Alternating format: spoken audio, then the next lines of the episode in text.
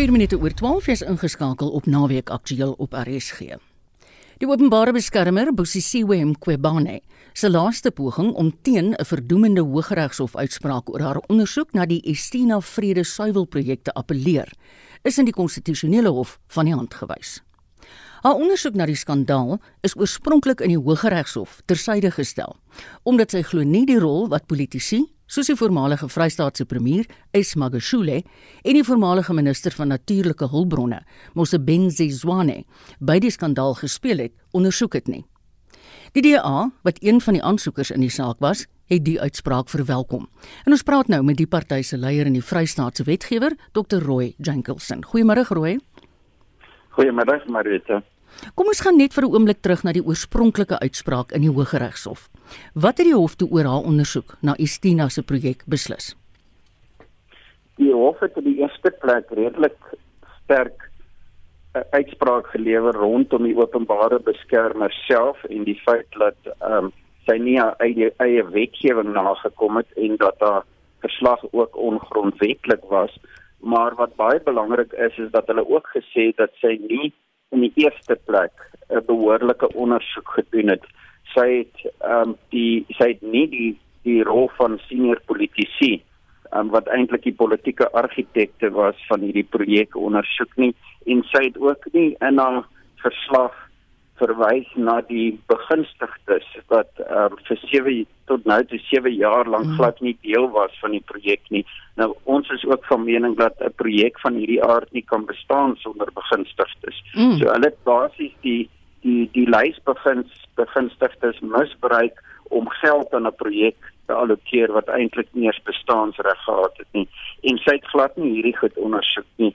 Uh, basies het sy al die skuld gepak op die uh, een of twee amptenare en sy het eintlik net 'n tesourieverslag gebruik as basis van haar ondersoek.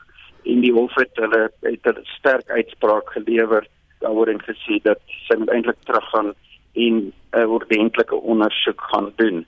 En dis waaroor sy eintlik appel aangeteken het. Rooi, wat het die konstitusionele hof werklik beslis?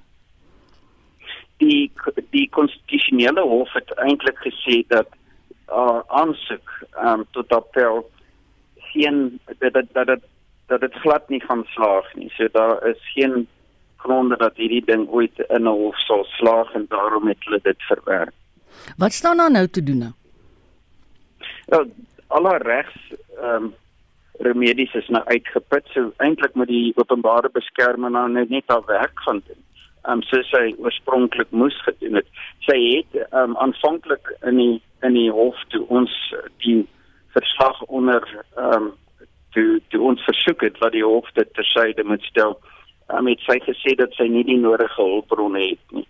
Maar sy het blykbaar die hulpbronne om elke keer um, hof te te gaan om om mm. pogings om appel aan te teken. So daar's eintlik geen rede hoekom sy nie nou moet teruggaan ordentlike ondersoek doen en daar is redelike ondersoek gedoen deur die ondersoekbeamptes op die grond, maar sy moet met 'n ordentlike verslag kom wat ook die rol van die politici in ag neem en ook kyk na die feit dat daar nie begunstigdes is nie. Hoekom is daar 'n vermoede dat senior politieke figure betrokke is? Wel die die hulle is die politieke argitekte van hierdie van hierdie ehm um, van hierdie projek die die kontrak tussen Estina wat die aanvanklike implementeringsagenda wat sterk Gupta koppeling het. En daai kontrak is gesluit in die kantoor van die premier. Daar was ook 'n nasionale tesourie ondersoek wat aangedui het dat daar groot ongeruimthede was met die aanstelling van Estina en ten spyte daarvan het hulle groot bedrae geld aan Estina oorgedra vir hierdie projek, honderde miljoene geld um, rand. En dan was daar ook 'n uh, uitvoerende komitee besluit en dis 'n politieke besluit in die Vrystaat dat die kontrak met Estina later gekanselleer moet word. En uh, dit was sonder enige um, sonder enige nadele vir Estina en dan het hulle nadat hulle die kontrak gekanselleer het nog 106 miljoen rand aan mm. Stina uitbetaal. Mm. En dit was politieke besluite gewees en sy moet sy moet gaan kyk na daai aspek um, in haar in haar ondersoek. Rooi het net nou verwys na die begunstigdes. Waar laat dit hulle? Hulle is hulle is van die begin af eintlik net misbruik. Ja. So hulle name bestaan op 'n lys. Ehm um, aan die hand van dit het hulle die projek goedgekeur. Daar's honderde miljoene aan die projek uitbetaal en daar word nog steeds 20 miljoen rand 'n jaar in hierdie projek ja. bestee. Ja. En ons het nou ons het hulle ehm um, ons het vir hulle onlangs 'n brief gestuur en gesê ons gee hulle 10 dae om hierdie begunstigdes om 'n om 'n plan te vir ja. ons te gee waar hulle die begunstigdes deel gemaak van die projek en ons ons volgende stap is om hof toe te gaan om die departement te dwing om hierdie begunstigdes deel te maak van daai projek en as hulle nie deel is van die projek behoort hulle glad nie verdere geld aan hierdie projek ja. oor te betaal nie. Ek wil vir jou dankie sê vir die vir die onderhoud, maar ek wil net voordat jy gaan 'n onverwante vraag vir jou vra. Is ek reg as ek sê jou van is van Duitse afkoms? Dit is eintlik Poolse afkoms. Poolse. En die ja. ware uitspraak so, toe ek jonger was, het ek gehoor die van word uitgespreek Jankelsoon. Ja, ek ek het daar's verskeie uitsprake um, van my van my van en ek kan vaar maar al die uh, Wat die een verkies jy, Roy? Ehm um, ehm um, Jenkelson. Jenkelson. Um, dis wat ons gewoonlik gebruik, Marieta, ja. Nou Dr. Roy Jenkelson. Ek neem toe ek toe ek diensplig gedoen het, het ek baie vreemde ehm um, Ek kan glo ja. Woorde tussen sprake gekry. Baie dankie. Ek wou sommer ek was sommer net nuuskierig.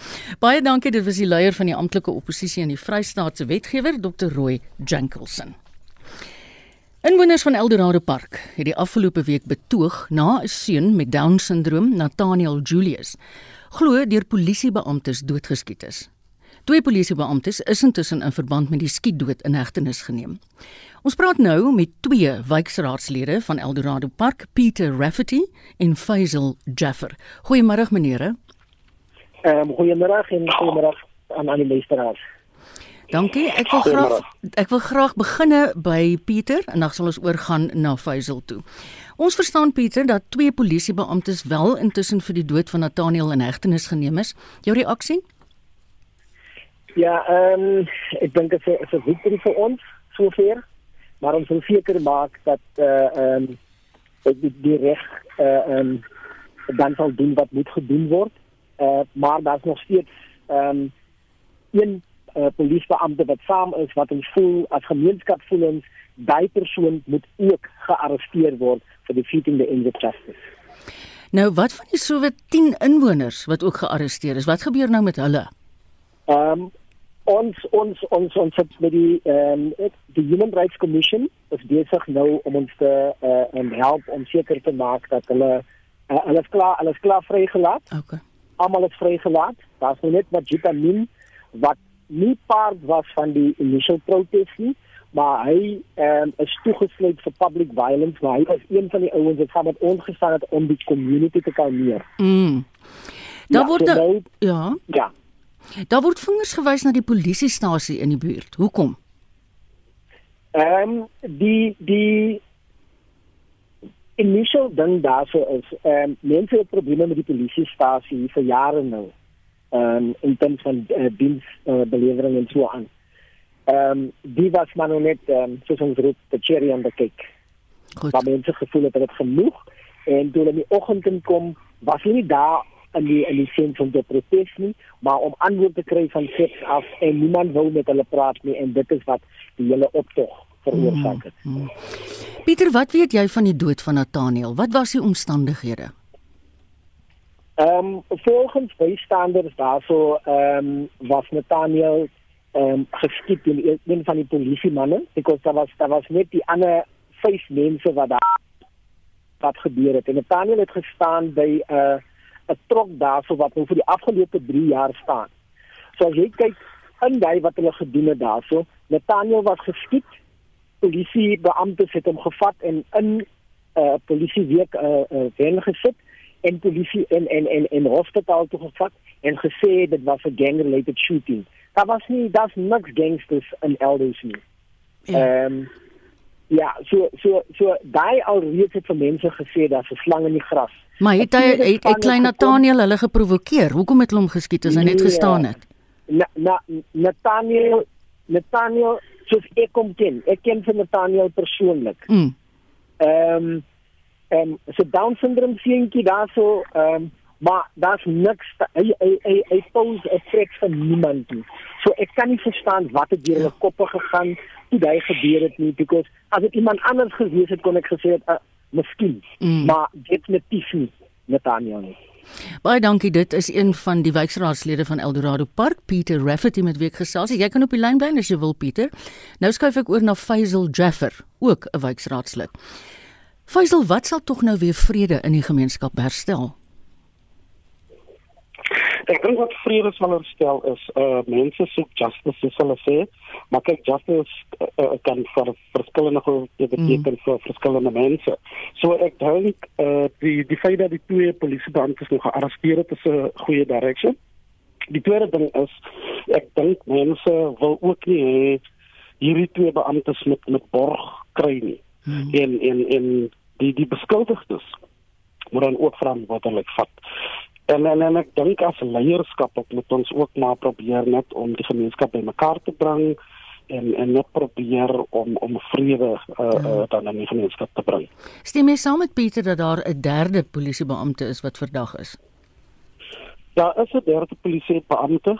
Uh hy staan bekend as Skorpion in die gemeenskap en en al die ooggetuie uh weet hy vinger na hom toe. Hmm. Dat hy die persoon was wat wat wat uh vir Armantano geskiet het. Daar's beweringe van korrupsie in die polisie in Aldous. Ja. Ja, kyk Ja, bewering- daar is daar is Faisal? Okay. Wat wat gebeur is kyk daar is baie baie baie uh, accusations van korrupsie van polisie in Eldorado Park. En ons het al die minister hier voorheen gehad vir vir 'n public meeting. Ons het al die MEC gehad Mm. mm. so vir 'n public meeting. En ons kry net beloftes, maar daar is geen results wat voorkom nie. En ons sal ook aandring op gemeenskapslede wat ehm um, wat wat, wat sê dat korrupsie dat hulle ding moet aankla en weet statements moet gee uh, aan aan die polisie. Jy wou iets sê Pieter? Ja, nee, ek sê ehm um, daar's baie aantekenings wat gemaak word, maar meeste van hulle is sonder basis want oh. mense kom nie vorentoe met die nodige evidence wat hulle sê. Mm. As ek sê dit is het ek het ek 'n video wat ek gevat het en so aan. Ehm um, because wat ons gaan doen vorentoe is iPad gaan nou baie uh ehm um, sterk saam met ons werk. Uh want daar's baie ander sake wat wat wat nog nie ge, wat nog nie klaar gemaak is. Mm. Ehm um, wat die polisie polisie betref Goed. en hulle voel dat luister uh, inspekteur wat daarso was wat die uh, statements gevat het en so aan het gesê een van die dinge is ons moet dan uh, awareness doen in die community van iPad sodat mense kan vorentoe kom Mm. en as hulle al reg uh, nodige dinge het sodat die gemeenskap gehelp kan word met daai uh, uh, sake en ek Mm. dink as dit gebeur wanneer mense sien dat die gereg ehm um, is nie net vir die ordinary citizen nie, maar polisiebeampte word ook beperk tot daai Mm. wat wat wat wat uitgestel is vir almal. So Ja. no one is above the law. Faisal, hoe is die gemeenskap se verhouding met die polisiestasie en die polisie? Maar om eerlik te wees, uh ek dink nie daar's 'n goeie uh, uh, relationship nou nie. Ehm um, jy weet as gevolg van die polisie se unprofessional optreden, uh die feit dat dat hulle nie kan regspel wanneer gemeenskaplede na die polisiestasie toe gaan om statements te maak nie. En en die mense het geen vertroue in die polisie nie. Dit Ja. is dit is heeltemal verbreek. Ek moet sê as as dit is soos julle nou bedui dan gaan hierdie situasie met Nathaniel se dood gaan nie eintlik help nie. Hoe gaan julle nou die saak verder hanteer? Ons verstaan daar word 'n betoging weer vir môre beplan.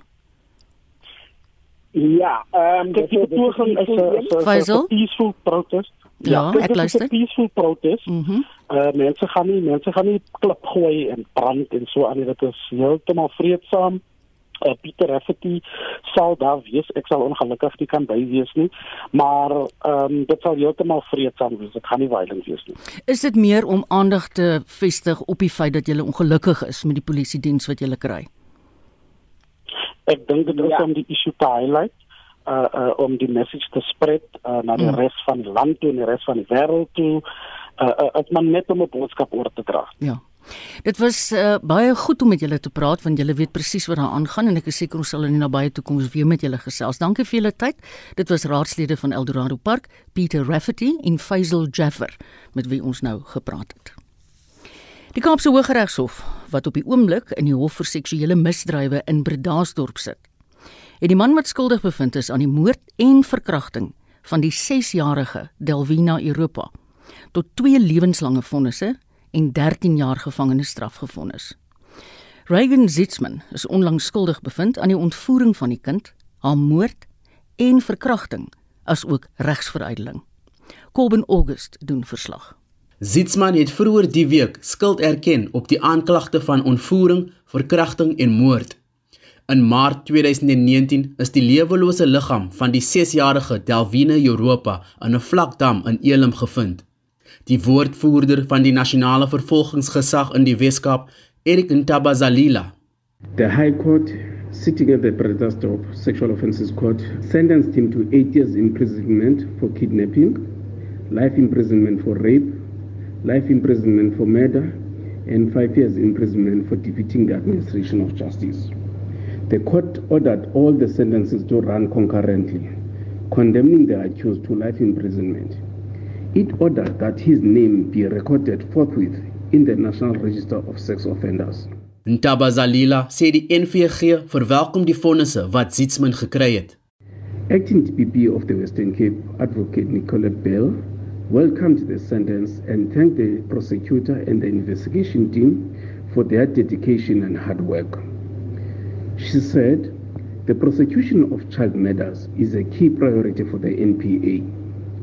Various protocols, such as participating in child death reviews, are in place to ensure child murders are identified from the onset, that the investigation is prioritized, and the prosecutors are successful. This matter is one such success. Die NVG sê hy sal voortgaan om te strewe om geregtigheid vir slagoffers van kindermoord en hulle gesinne te verseker. Ek is Koop in August in Kaapstad. Ek hoop dit maak vir jou saak hoe laat dit is nie, maar is 21 minute oor 12. Na 'n tog van 14 uur het die Trust vir Bedreigde Natuurlewe 'n wyfie cheetah vanuit die Wes-Kaap na die Rietvlei Wildreservaat in Pretoria hervestig. Johannes Metroraad het die hervestiging goedgekeur. Ons praat nou met die koördineerder van die EWT se cheetah uitbreidingsprojek, Vincent van der Merwe. Hallo Vincent. Ek hoor nie vir Vincent nie. Dit is vir Vincent verloor. Kom ek vertel wat ons nog verder na gaan luister vandag. Ons het natuurlik ons gewone sport bydra en dis 'n baie interessante karre. Uh bydra wat ons later gaan kry van Wessel af, maar ons gaan net nou weer probeer om vir Vincent in die hande te kry. Bly gerus ingeskakel. Ons het baie interessante bydraes vandag in Naweek Aktueel. Die minister van verdediging, Nosifiwe Mapisa Nkakula, sê haar departement het sy bes probeer om regulasies van die tesourier na te kom in terme van die verkryging van persoonlike beskermende toerusting. Sy het die parlement se staande komitee vir verdediging oor die ontplooiing van soldate in Maart toegespreek. 20000 soldate is ontplooi teen 'n koste van 1,5 miljard rand. Zelin Merrington doen verslag. Die minister van verdediging, Nosiviwe Mapisa Ngakula, sê sy hoop haar departement sal nie in die verleentheid wees as dit kom by die toekenning van tenders vir persoonlike beskermingstoerusting nie. I've tried to keep my finger on the pulse on this matter by ensuring that as they procure PPEs that you have your internal audit monitoring and ensuring that they identify whatever risks We have tried as much as is possible to comply with the regulations which have been issued by National Treasury. So I'm actually hoping that when National Treasury publishes the list of companies which have secured uh, contracts from the Defence Force, I'm really hoping that we will not be embarrassed. Die waarnemende hoof van die weermag se gesamentlike operasies, luitenant-generaal Rodzani Mapwanya, sê behalwe om te help om geboue te ontsmet, water aan te ry vir arm gemeenskappe en die verspreiding van kospakkies, het hulle ook padblokkades gehou om te verseker grendelregulasies was gehoorsaam. Hy sê hulle het verskeie arrestasies gemaak en ook boetes uitgereik. Fines to the tune of 1.8 million were issued 4,088 people were arrested. We have uh, fined people that violated lockdown regulations to the total number of 3,190.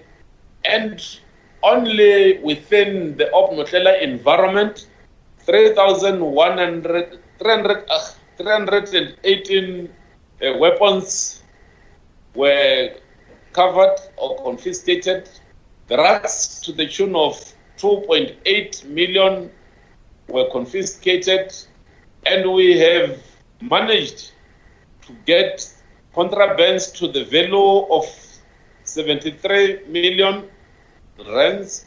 Mapisa Ngakula sê die vennootskap met Elkibaan se ewe knieë het baie gehelp waar die weermag tekort geskiet het. We all talk about the need to arrest the decline of the capabilities of the defense force. And this uh, pandemic actually proved to us that, in fact, we have very limited capabilities to a point where I do commend, you know, the decision to have Optusano. Because if we did not have Optusano honorable members, I can assure you it would have been tough with us because we hardly have even ambulances. We have very limited numbers of vehicles and ambulances. Dit was die minister van verdediging, Nosiviwe Mapisa Ngakula, Zelin Merrington, Parlement.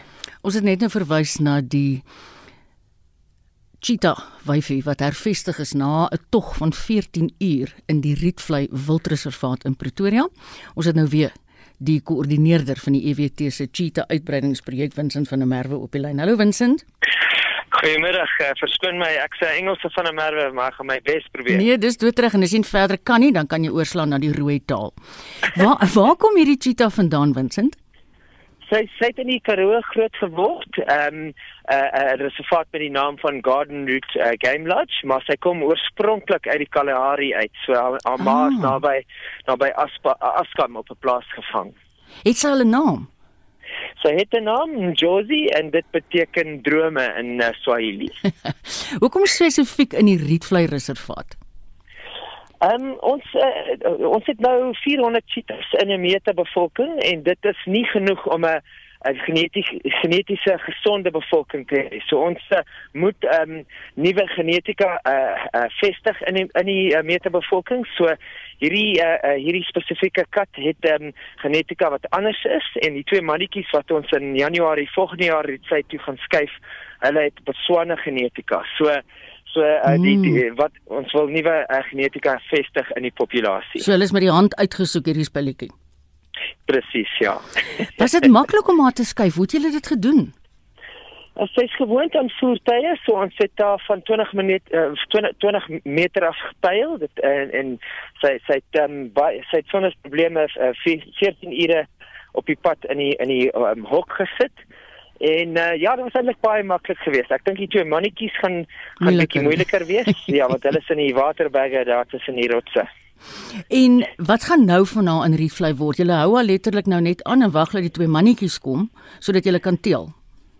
Dit is korrek, ja. So ehm um, so ons gaan na huisves in die Bouma in Rietvlei want uh, cheetahs soos enige kat, hulle stap onmiddellik terug toe as jy hulle skuif dan stap hulle net terug toe van waar hulle gekom het. Ehm um, So ons sit aan die bome om uh, om om daai homing instinct te mm, breek mm, mm. en dan gaan ons daar ehm um, sy moet dit 'n bietjie gewoond raak aan die aan die grasveld want sy kom oorspronklik uit die Karoo uit.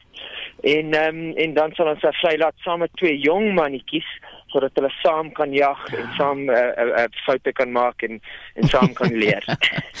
Ons het van julle af 'n media verklaring gekry en daarin noem julle julle het ook 'n skenking van 'n verskeidenheid boksoorte en sebras wat aan Rietvlei geskenk is. Kan jy vir ons meer vertel?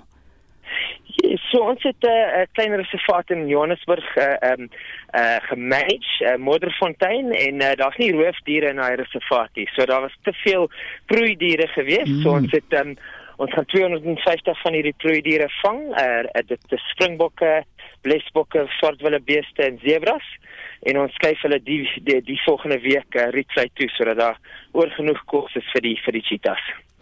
In julle verklaring sê julle uiteindelik gaan die cheetahs verskuiwe word. Hulle gaan um, na Mosambiek toe en die twee mannetjies van Bo Botswana af gaan dan nou weer Rietvlei toe. Wat is die doel van al hierdie verskuiwings? Is dit nog steeds die genepool? Ehm um, so ons het nou baie geleenthede gekry om cheetahs te vestig in Botswana uh, so verskoon my in Mosambiek. Oh ja. Ons het nou Suid-Afrikaanse uh, reserve managers wat sien toe geskuif het, hulle het heininge opgesit. Al hierdie reservate is oor die 100 000 hektaar. So dis lekker groot reservate. So ons wil cheetah bevolkings daar vestig. En ehm um, ja, so ons ehm um, dis die enigste cheetah bevolking in die wêreld wat besig is om te groei want uh, in ander Afrika lande is daar nog nie heininge nie en en dan kom mense in die reservate in en hulle sit strikke uit vir bokkies en dan vang hulle die mm. cheetahs en hulle roei die cheetahs uit. So ja, ons het nou Ritsy is baie naby aan OR Tambo so ons kan hy uh, cheetahs vinnig vang en 'n vliegtuig sit in Mosambiek te sê.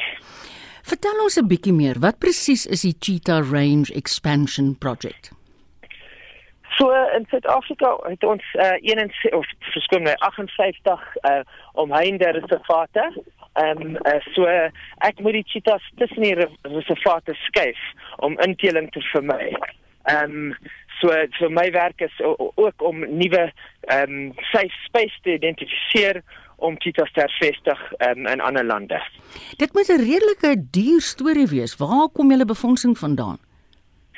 Ehm um, ja, nee, dit is 'n dier storie, maar ons het gelukkig baie mense op die grond wat ons help met ehm um, met fondse. Ehm um, Ashia Cheetah Conservation byvoorbeeld het ehm um, al die kostes bygesit om om om al die diere op Bodefontein te vang en om om die cheetahs te koop om die uh, satellietpolis te koop wat ja. um, ons wil weet presies waar stap hulle. Mm. So ehm um, ja, uh, ons het uh, ons is baie gelukkig ons het mense wat ons uithelp met ja. uh, met hierdie storie.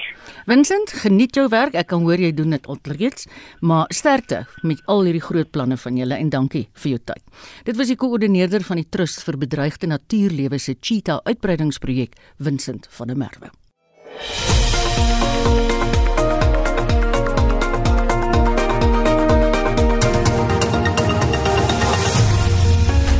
Tyd vir sport. Dis am lekker dat sport terug is. Goeiemôre Pieter van der Berg. Ek sê maar het daar 'n span met nommer 6 hier. die begin van die Tour de France fietswedren is vroeër vanjaar uitgestel na vandag toe. Vertel ons 'n bietjie meer.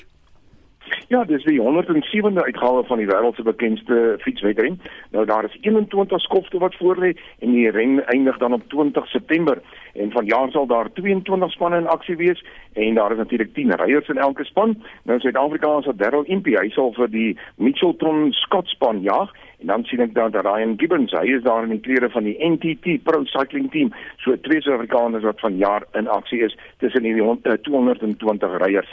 Vandag se eerste skof, dit begin so oor 'n rukkie uh, en dit is oor 156 km en dis in die omgewing van Nice. Môre se tweede skof sal ook in daardie area plaasvind, Marita. Jo, gister 'n monitor het jy gesê dat Formule 1 wedrenne die naweek weer aan die gang is. Vertel ons meer.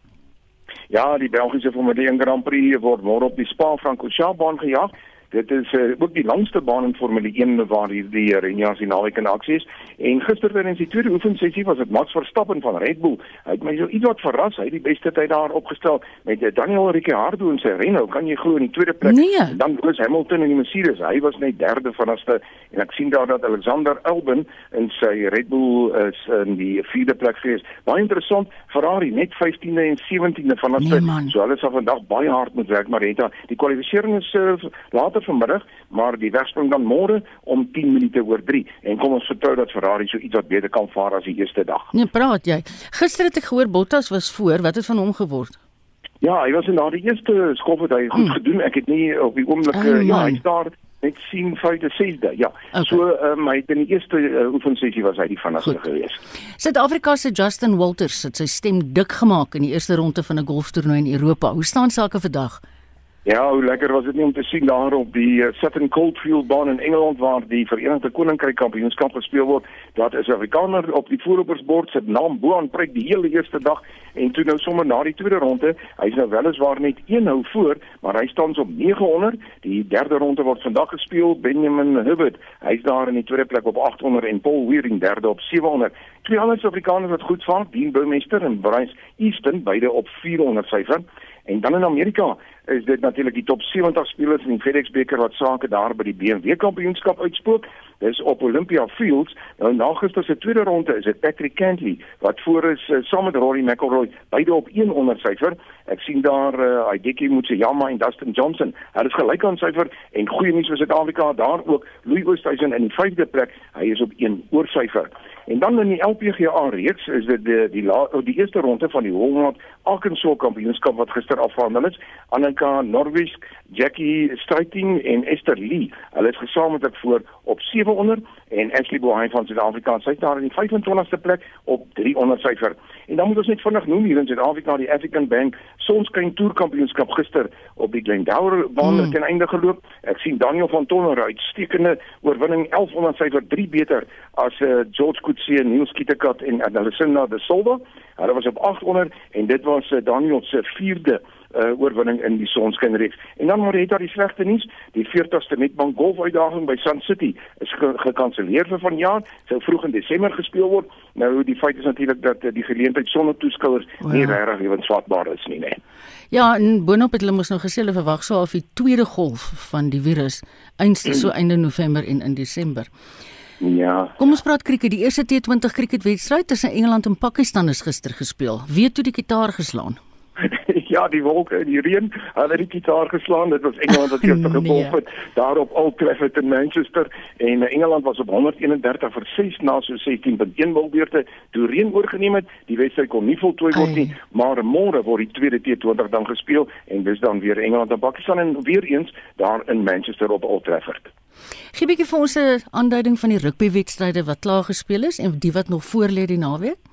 Hmm, die aandag is steeds daar uh, op Australië en Europa. Nou in Australië se Super Rugby reeks is dit die Brumbies het gister 'n baie goeie oorwinning van 31-14 oor die Western Force behaal het. Daarmee die Brumbies dan ook hulle plek in die eindstryd bespreek. Op die oomblik speel die Rebels en die Waratahs teen mekaar. En net voordat jy my weggeroep het daar van die kassie af, is dit uh, die Waratahs wat voor was met 31-17. En dan in die Europese Pro 14 reeks waar die laaste ronde wedstryde voor die halfeind aanbreek hierdie naweek gespeel. Nou gisterand was dit Edinburgh wat pak gekry het op hulle tuisveld. Die Glasgow Warriors het dan met 15-3 getroof en dan vandag in die Europese eh, Pro 14 is die Dragons teen die Scarlets en Ulster kom teen Leinster te staan.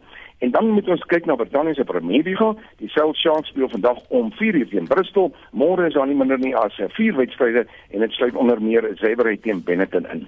Baie dankie Pieter, dit is ons sportmedewerker Pieter van der Berg.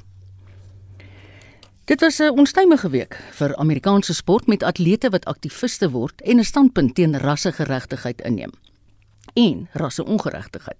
'n Polisiebeampte in die dorp Kenosha aan die deelstaat Wisconsin het 'n swart man, Jacob Blake, 7 keer in die rug geskiet. Amerikaners is jare lank al verdeel oor die kwessie van Black Lives Matter.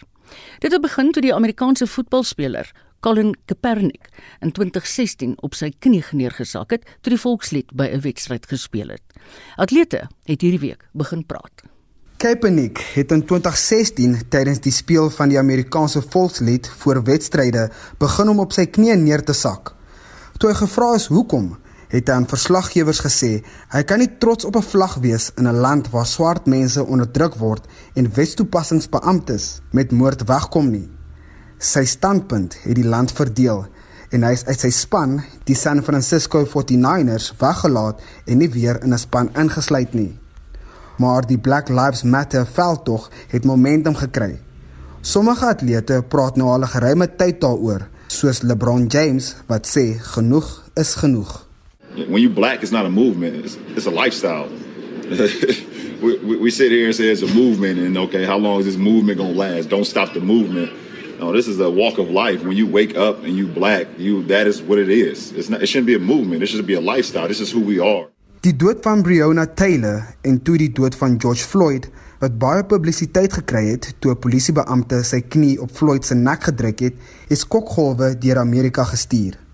Die tennisster Naomi Osaka was een wat stilweg by die betogings aangesluit het.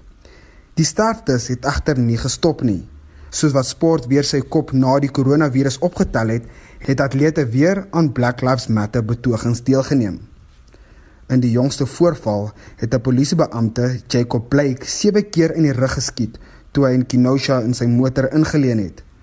Die keer was daar betogings reg oor die land en sommige van hulle gewelddadig. Baie atlete voel genoeg is genoeg. Die Milwaukee Bucks basketbalspan het besluit hulle gaan nie teen Orlando Magic speel nie. Die NBA het Woensdag twee ander wedstryde ook uitgestel. President Donald Trump was nie gelukkig hiermee nie. So het sy skoonseun en raadgewer, Jared Kushner, gereageer. Uh, look, I think with the NBA, there's a lot of uh, activism, and I think that uh, they've put a lot of slogans out. But I think that what we need to do is turn that from slogans uh, and, uh, and, and signals to actual action that's going to solve the problem. Trump het die betogings afgemaak en sê die NBA se televisiegewildheid het getaan. Nietemin het hulle optrede gevolge gehad. Bofbal en sokkerspanne en federasies het ook wedstryde gekanselleer. Die Milwaukee Brewers se speler, Christian Yelich, sê dit is belangrik dat hulle getel word. We had the discussion and and people took turns speaking, speaking about the experiences, what this means, what we're what we're going through, um, what we were about to do, and what that means. Um, it wasn't a decision that we we took lightly, and I think the Bucks spearheaded it for us. Uh, they made they made that they started the discussion. They made it. Um, you know, it, it gave us a a conversation to have. Naomi Osaka sê sy gaan uit protes nie aan haar halfuitronde in die Cincinnati Ope deelneem nie. Sy is uiteindelik omgepraat om wel te speel na die WTA en die ATP besluit het om alle wedstryde donderdag uit te stel ter ondersteuning van haar standpunt. Die Formule 1 kampioen, Lewis Hamilton, is ook uitgesproke, maar hy gaan tog die naweek deelneem. So many people are, are standing um with the players and really pushing for for change. It's a shame that that's what's needed over there in order to get a reaction. Um, but that is in America, and I don't know if really me doing anything here will um, particularly have any effect. We're in Belgium, we're not in the United States. Wat ijshokkie betref, is daar ook wedstryde gekanselleer. Die Amerikaanse PGA Tour sê ook hulle steun die boikotte maar die spelers gaan tog voort om deel te neem. Tony Finau sê dit is 'n persoonlike keuse. I understood the magnitude of what the NBA was doing and what they were boycotting for and um, I know the PGA Tour is in full support of that. And again, it's a conversation that's uncomfortable, sensitive for for our country, but if we're not willing to have those, I don't think we can uh, move forward as a country. Um, so, you know, I'm here to I'm, I'm open to have a conversation with with anybody on the issue and again, I think we're in full support of what the NBA has done. Die NBA, NHL en MLS sal almal die naweek voortgaan. Maar die betogings is 'n verskywing vir atlete, veral in basketbal waar die atlete meestal swart is en goed betaal word. So hulle gebruik hulle profile. Soos die vroue NBA ster Angela Watkins gesê het, hulle is nie net basketbalspelers nie. Hierdie bydra van Janet Witten van ons sportredaksie. Ek is Vincent Mofokeng vir SAI Kanis. In ons weeklikse motorrubriek beantwoord Wessel Pretorius 'n luisteraarsvraag.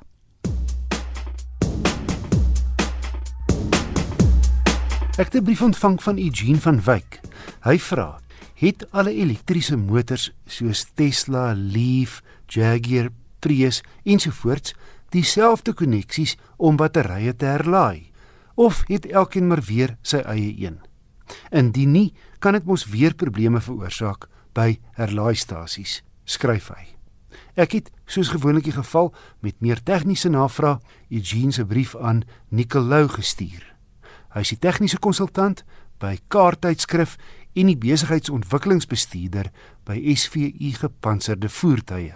Ja, wissel mense gehoop het die vervaardigers het geleer uit die selfoon dilemma waar elke selfoon omtrent 'n ander laaier op die stadium gebruik, maar ongelukkig is dit nie die geval nie. Ek wil eers net 'n bietjie agtergrond skets oor die laai van 'n elektriese voertuig se battery. Daar's natuurlik twee maniere van laai. Een is die standaard uh, snelheid laai en dan is dit die vinnige laai of fast charging wat hulle praat van in Engels.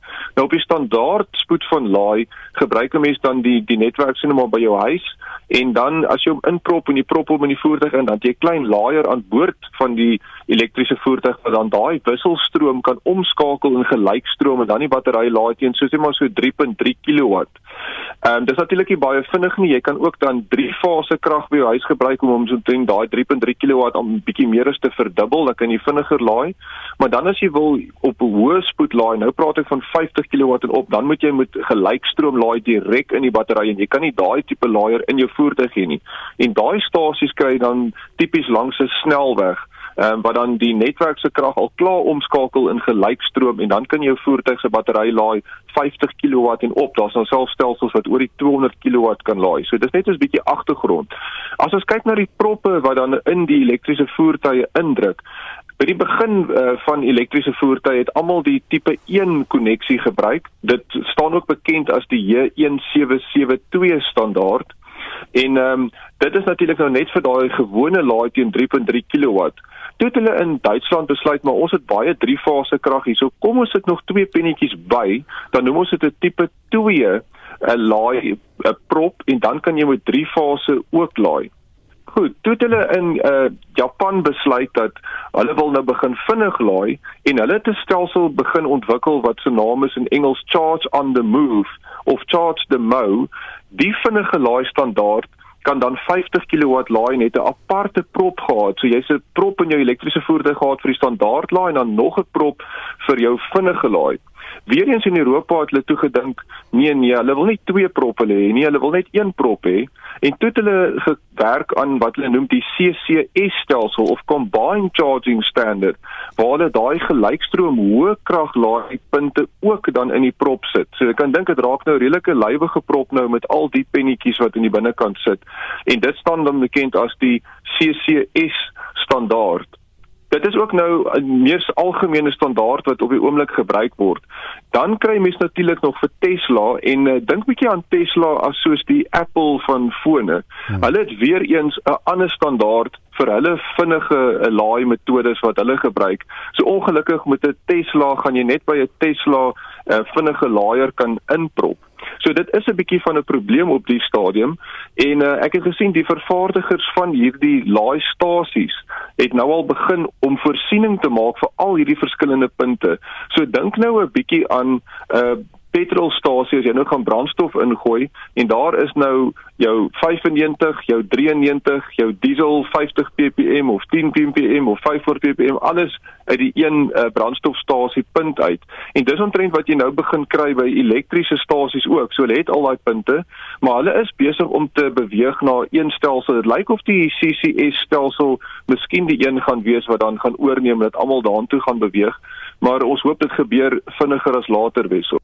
So antwoord Nicolou. Hy is die tegniese konsultant by Car en die besigheidsontwikkelingsbestuurder by SVU Gepantserde Voertuie. Onthou elke Saterdag se motorrubriek is ook as 'n potgooi op RSG se webblad beskikbaar.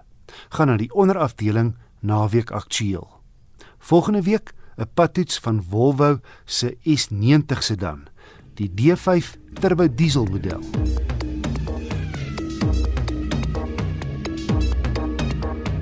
Hier is my wenk van die week. Is mooi om te sien hoe baie mense stap en draf of fietsry hier in my woonbuurt, Linden, Johannesburg, tydens die inperking, veral oor naweke. Maar ek het ook al gesien dat mense hulself onnodig baie spasie op die pad toe ein. Nou die dag draf 'n vrou en 'n breë man langs mekaar in die pad. 'n Bakkie ry verby en diese kant spieël tref so byna die man se elmboog. Nou weet mens nie of die drawer en die bakkiebestuurder onoplettend of net eenvoudig gesprus was nie. 'n Ander onlangse voorbeeld, twee fietsryers ry geselsend langs mekaar teen so 20 km/h. Dit terwyl voertuie agter hulle opdam omdat daar ook karre van voor af kom. My wenk aan stappers met of sonder honde, Drawers en fietsryers is, val in gelid sodra 'n voertuig jou nader. My wenk aan motoriste, probeer so ver moontlik die 1.5 meter verbysteek afstand handhaaf. Indien nie moontlik nie, verminder onmiddellik spoed vir 'n veiliger verbysteek. Dankie Wessel. Huldeblyke stroom in na die dood van die Amerikaanse akteur Chadwick Boseman. Hy het die stryd teen kolonkanker na 4 jaar verloor. Die 43-jarige het in die gewilde rolprent Black Panther naam gemaak. Die bekroonde Suid-Afrikaanse akteur en rolprentmaker John Carney het saam met Boseman op Black Panther gewerk. Hy se verhouding was soos pa en seun. Ons praat nou met ons rolprentresensent Leon van der Rop. Hallo Marieta. Dit het totaal uit die bloute gekom. Dit was die grootste skok van Chadwick Boseman se dood. Hierdie supersterk viriele op die oog af gesonde akteur wat soveel gesag aan sy rolle gegee het. Dis gisterand soos jy gesê het op 43 jarige ouderdom oorlede. Min mense het besef hoe siek hy was. Hy het gedurende die laaste paar jare van sy lewe chemoterapie ontvang, maar het steeds sy volle energie in elke rol gesit. Chadwick Boseman is in 1977 in South Carolina gebore. Hy het na skool toneelstukke geskryf soos Die Peugeot en het selfs verhoog regie behartig. Sy droom was om 'n regisseur te word, nie akteur nie. Hy het ook by Howard Universiteit in Washington gestudeer in regie, waar hy 'n ruk gelede 'n besielende toespraak vir studente gemaak het oor hoe om hulle drome te verwesenlik. Hy het ook aan die British American Dramatic Academy in Oxford, Engeland, gestudeer. Terwyl Denzel Washington het vir sy studies betaal in Oxford. Hy was ook 'n boebaas basketbalspeler en ook 'n bokser. Boseman was twee keer in Suid-Afrika waar hy veral aanklank by die Xhosa kultuur gevind het en daar aangedring het dat die akteurs in Black Panther met Xhosa aksente moes praat. Shaka Zulu en Nelson Mandela was sy Suid-Afrikaanse helde. Ironies genoeg was een van Boseman se bekendste aanhalings You have to cherish things in a different way when you know the clock is ticking. You are under pressure. Ek onthou dat toe ek om in Black Panther as T'Challa gesien en pertinent kennis geneem het van sy charisma, sy ongedwonge charme. Nie sedert Sidney Poitier in To Serve With Love, het 'n akteur met soveel autoriteit die silwerdoek laat ontvlam sonder dat hy probeer het nie. Hy het moeiteloos uitgestaan tussen al die oordadige spesiale effekte. Hy het die aksie gelei, nie die effekte nie, en hy het dit met 'n ongedwonge selfversekering gedoen. Hy hoef nie cool te probeer wees soos Tom Cruise nie. Hy was net cool.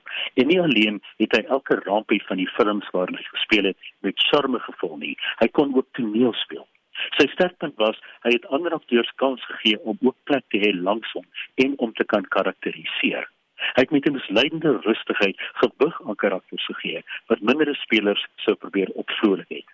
Mens onthou sy 21 Bridges vroeër hierdie jaar 'n gemiddelde aksiefilm wat hy in heeltemal 'n ander klas geplaas het met sy ongedwonge manlikheid, autoriteit en gemaklikheid. Drie woorde wat ek gereeld met hom verbind.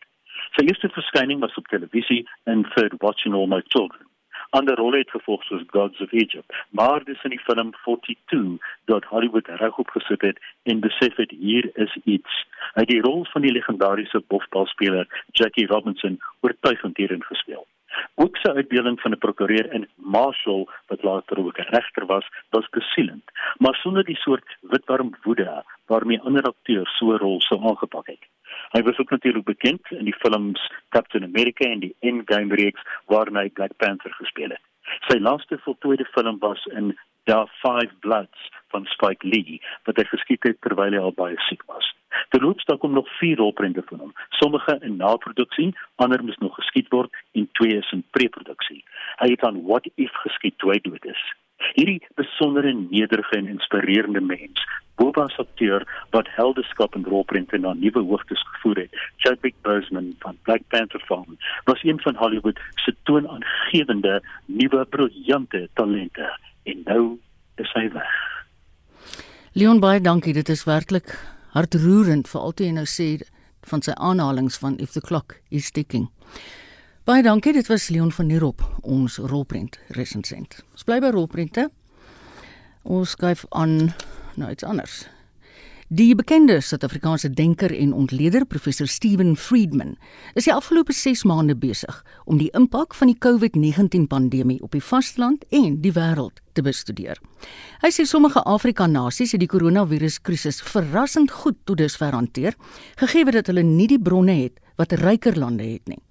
Professor Friedman is die direkteur van Wits Universiteit se sentrum vir die studie van demokrasie en die skrywer van 'n lang lys boeke oor maatskaplike regte, politiek en regering. Darren Taylor doen verslag. Soos in ander dele van Afrika en die wêreld, sê Friedman, het COVID-19 sekere stereotypes en vooroordeele na vore gebring toe dit vir die eerste keer in Suid-Afrika voorgekom het. The initial reaction after day two, I think, was close the borders and keep the Zimbabweans and the Mozambicans out because those people are always considered to bring disease.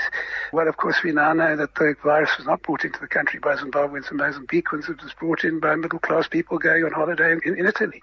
And, you know, you've. Maar sê hy, na mate die pandemie ouer in die land geword het, so het diskriminasie minder geword en daar heers nou 'n gevoel van ons is almal saam in hierdie gemors en niemand is veilig nie.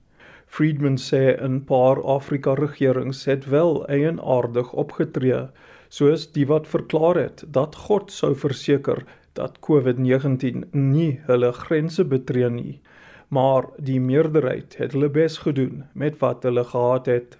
The cruel irony is that because many countries on the continent have such fragile health systems, the kind of remedies that can be applied, putting masses of people on ventilators, applying all sorts of therapy that's needed, just isn't the capacity to do that in much of the continent. And therefore you only Hy's aangemoedig deur die feit dat Afrika 'n sterk ondersteuner van die Wêreldgesondheidsorganisasie se riglyne is om infeksies te probeer voorkom. Maar Friedman sê 'n gebrek aan hulpbronne beteken dat baie lande nie die riglyne kan implementeer nie. For example, instead of simply having a lockdown, you make sure that there are adequate washing facilities in all public places, that you're able to ensure that people keep a distance from each other, etc. The problem may be that there isn't capacity to do that. And I think generally Hy sê as daar een land is wat die realiteit van COVID-19 verteenwoordig, is dit Suid-Afrika. Mense in die voorstede het van die begin af meestal die bronne gehad om hulle self veilig te hou. Hulle bly nie in oorvol informele nedersettings nie en hoef nie in volgelaaide taksies te ry nie. En as hulle wel geïnfekteer word, het baie van hulle mediese skemas wat toegang tot beter gesondheidsorg verseker en dus staan hulle in beter kans om te oorleef. I'm speaking to you at the moment from a suburban house which has garden.